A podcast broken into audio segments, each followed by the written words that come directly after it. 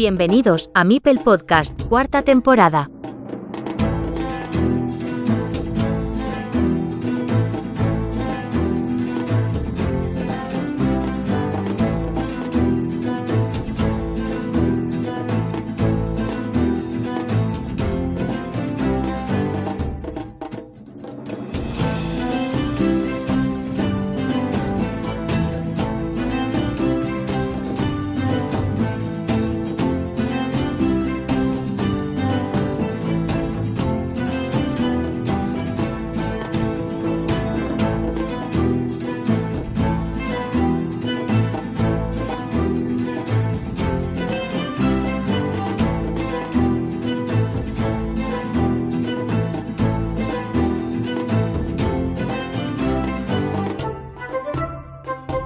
Bienvenidos de nuevo a este espacio sobre Carcassonne que es Mipel Podcast. Este resumen en idioma español, el que en origen detenta el podcast, no es el mismo que la versión en inglés, y en ambos casos se trata de un mini resumen. Diría que la idea es que cuando pase el tiempo, si alguien quiere echar la vista atrás, pues tenga en este canal sonoro, en este podcast, un lugar donde buscar. Todos sabemos que cuando buscamos información sobre los torneos del Mundial por equipos, o este mismo europeo por equipos, hay que mirar la página de Carcassonne.cat, que son los organizadores, y esto no va a dejar de suceder. Pero estos son datos, hechos que se ponen de relieve en un fotomontaje o en una web, donde estos datos están a disposición del visitante para ser interpretados. Me refiero a las clasificaciones, los resultados, las diferencias entre esos objetivos marcados o los niveles de los jugadores, si se ha conseguido o no lo que pretendían, etc. Al final cada uno puede servirse o despacharse a gusto, pero los datos son los que son, y esos permanecen en la web del organizador, como digo. En cambio, la crónica de lo sucedido solo existen aquellos canales que se dedican a ello. También hay crónicas en carcassonne.cat, pero luego hay que rebuscar en su web o hay que ponerlo en Google para que nos lleve a una aproximación de lo que queremos encontrar. En este sentido, en Mipel Podcast disponemos de dos índices, uno de todos los episodios, desde el más antiguo, en última posición, hasta el más reciente, que es también el más visible, y podéis navegar a través de este largo periplo sonoro para observar cada una de las temporadas y el reflejo de lo que ya se ha acumulado para la posteridad. Pero luego tenemos un índice temático donde tenéis tres columnas. Si lo que buscáis es una entrevista, miráis en la primera columna. Si buscáis un evento, por ejemplo el europeo, del que ahora vamos a hablar, pues tenéis la segunda columna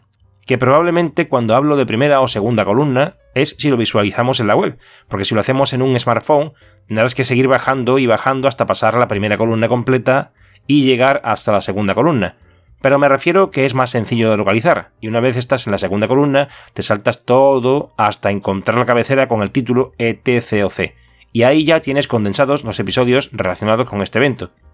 por lo que dentro de 5 años, aunque varíe la maquetación de la página web, el cartero de Carcassonne.com, el concepto y el esquema del índice de los episodios permanecerá, por lo que siempre podéis mirar los episodios relacionados con la Liga Carcassonne Spain, o el Mundial de Alemania, o el WTCOC, o el ETCOC, etc., de un golpe de vista. Y esta aportación que pretendía hacer era en aras de que exista un repositorio de cada evento y de cada cosa que sea de interés sobre el competitivo o sobre Carcassonne en general, y esto es un argumento también para hacer entender que, aunque no he participado como jugador o tampoco lo he vivido como espectador, pues a nivel personal no puedo estar en todo, sí que hago un mini resumen que no pretende ver todo con detalle, pero donde dejo constancia de lo sucedido, que si bien ahora todo el mundo lo tiene claro, lo mismo dentro de dos años tiene sentido, más sentido, este episodio. De esta guisa, el episodio en inglés viene a contabilizar los equipos participantes cuando han sido equipos semifinalistas y hago un comentario sobre el capitán polaco defendiendo la situación que vivió el año pasado, ya que no asistió al Mundial. También hago un acto de defensa de la organización Carcassonne.cat, ya que se le critican muchas cosas, pero nunca de manera constructiva, y esto siempre será así en muchas cuestiones de la vida que nos rodea. Es decir, siempre habrá a quien le parezca que algo se puede mejorar, pero no se sienta alguien que realmente se permita disponer del tiempo o las ganas de contribuir a la mejora de aquello que entienda puede dársele una vuelta de tuerca. Oye, pues si algo no te gusta, pero tampoco vas a ayudar, no te quejes, ¿no? Así que esta es mi postura y digo que cuando veo que algo, pues para mí no tiene sentido, quiero pensar que siempre añado algo de valor o de aportación para mejorarlo. Si no, también me estaría convirtiendo en un crítico destructivo. Y pasando de lleno al europeo por equipos, decir que han existido tres ediciones, las dos primeras consecutivas, como el Mundial por equipos, o sea, 2020 y 2021, y ya desde entonces se convierte en un evento bianual, es decir, que se va a celebrar por periodos de dos años. Y esto hay que entenderlo, la organización no puede invertir el mismo tiempo en el ETCOC que en el WTCOC. Este último implica más comunidades, organizaciones de jugadores y es a nivel de todo el planeta, mientras que este, el ETCOC, es un formato de equipos europeos, donde por cierto, yo personalmente no entiendo la participación de Rusia en su momento y ahora RCP por la sencilla razón de que parte del país ruso se localiza en el continente europeo, sí, pero la mayor parte se halla en el asiático, y lejos de hacer un acto de comparación con la Unión Europea, que es otra cosa, sí que comprendo que Rusia no pertenece a Europa. Pero bueno, es una opción y comprendo que las comunidades de jugadores son importantes y que ha existido esta participación de Rusia desde el principio y ahora no va a dejar de ser menos. No tiene esta opinión nada que ver con la invasión de Ucrania, sino todo lo contrario, es un concepto territorial. Y podemos ver que el primer europeo tuvo un total de 14 selecciones participantes, por 22 de la segunda edición, en 2021, y 17 en esta. La hipótesis de crecimiento nos dice que tendrían que participar más equipos, pero el formato de fin de semana intensivo hace que algunos equipos se hayan despegado, ya que Carcassonne.cat ha definido este formato como el que ha venido para quedarse, las futuras selecciones participantes ya lo tendrán en cuenta para tenerlo previsto y seguro que el TCOC crece. Es curioso que las tres ediciones disputadas, incluyendo la recientemente finalizada de 2023, Rusia y Ucrania han sido semifinalistas en todas, siempre entre los cuatro mejores combinados nacionales, donde Rusia además se alzó con el campeonato de la anterior edición. Alemania fue la ganadora de la primera edición y Polonia la que ha ganado en esta ocasión. Junto a todas las mencionadas, el resto de equipos europeos que han compartido estos cuatro puestos han sido Italia este año, Letonia y Rumanía en 2021 y Reino Unido en 2020. Respecto a lo que he comentado de que en la versión de este episodio en inglés he dicho sobre el capitán polaco, Maciej Polak, campeón del mundo en 2021, cuando Melvin Quaresma fue subcampeón, está basado mi comentario en la enhorabuena por la consecución del europeo por equipos, pero hacer una mención especial sobre él, en su persona, porque el año 2022 no pudo asistir al campeonato del mundo en Alemania, por los costes del viaje y estancia para él. Y digo yo que, claro, eh, tal vez el editor polaco tenga algo que decir. Spiele Centrum no, desde luego, porque ellos solo son organizadores técnicos del evento,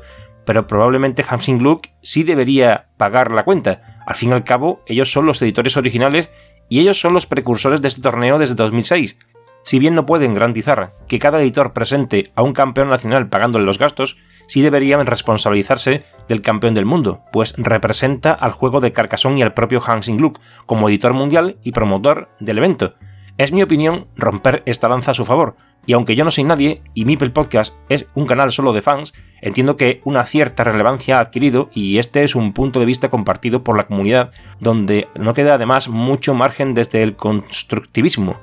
Aquí es tan solo dar una opinión sobre un hecho lamentable que no debería suceder. Y bueno, por lo demás, en el episodio en inglés, que va dirigido a toda la audiencia internacional del podcast, no hay un comentario evidente de cara a la selección española, que sí hago a continuación. Nuestros compis quedaron en la novena posición y estuvieron encuadrados en el grupo de Ucrania, República Checa, Grecia y Hungría. Quedamos en tercera posición tras los dos primeros equipos mencionados antes, o sea, a las puertas de los playoffs.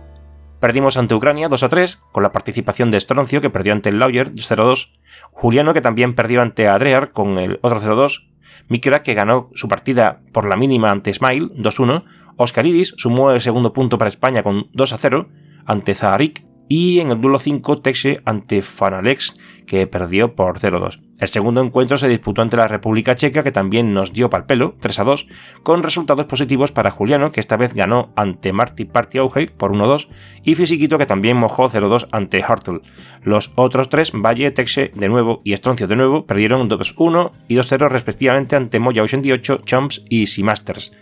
Tercer y cuarto duelo ganó España por 4 a 1 a Grecia y por 3 a 2 a Hungría, donde el gran Ohio, Oscaridis de nuevo, Tenrak y Ziamat ganaron sus encuentros ante los griegos, siendo Zika la única derrota para España, quien también salió escaldado de su encuentro ante Hungría, al igual que el gran Ohio, que esta vez no pudo ganar, al cambio de tres victorias de nuestros compañeros Valle, Rafa y Mikrak. Con todo, el resto de resultados fueron los de Italia como campeona del grupo B, seguida de Tuteisilla, que son los jugadores bielorrusos, RCP, campeones del grupo C, seguidos de Polonia, y que a la postre representó luego la gran final de este europeo, y en el grupo D clasificaron en primer lugar Reino Unido y en segunda posición Alemania, la campeona de la primera edición. Y los resultados en cuartos fueron victoria de Ucrania ante Tutisille, de RCP ante Alemania, de Italia ante Chequia y de Polonia ante Reino Unido. Se quedaron en semifinales Italia-Ucrania, donde los jugadores ucranianos consiguieron el bronce, y la gran final, como comentábamos antes, RCP contra Polonia, donde los jugadores polacos, enhorabuena, se alzaron con el título del europeo este fin de semana de competición intensiva del 28 y 29 de octubre de 2023. Un saludo a todos los oyentes y espero que os haya gustado este episodio. Nos vemos en el siguiente.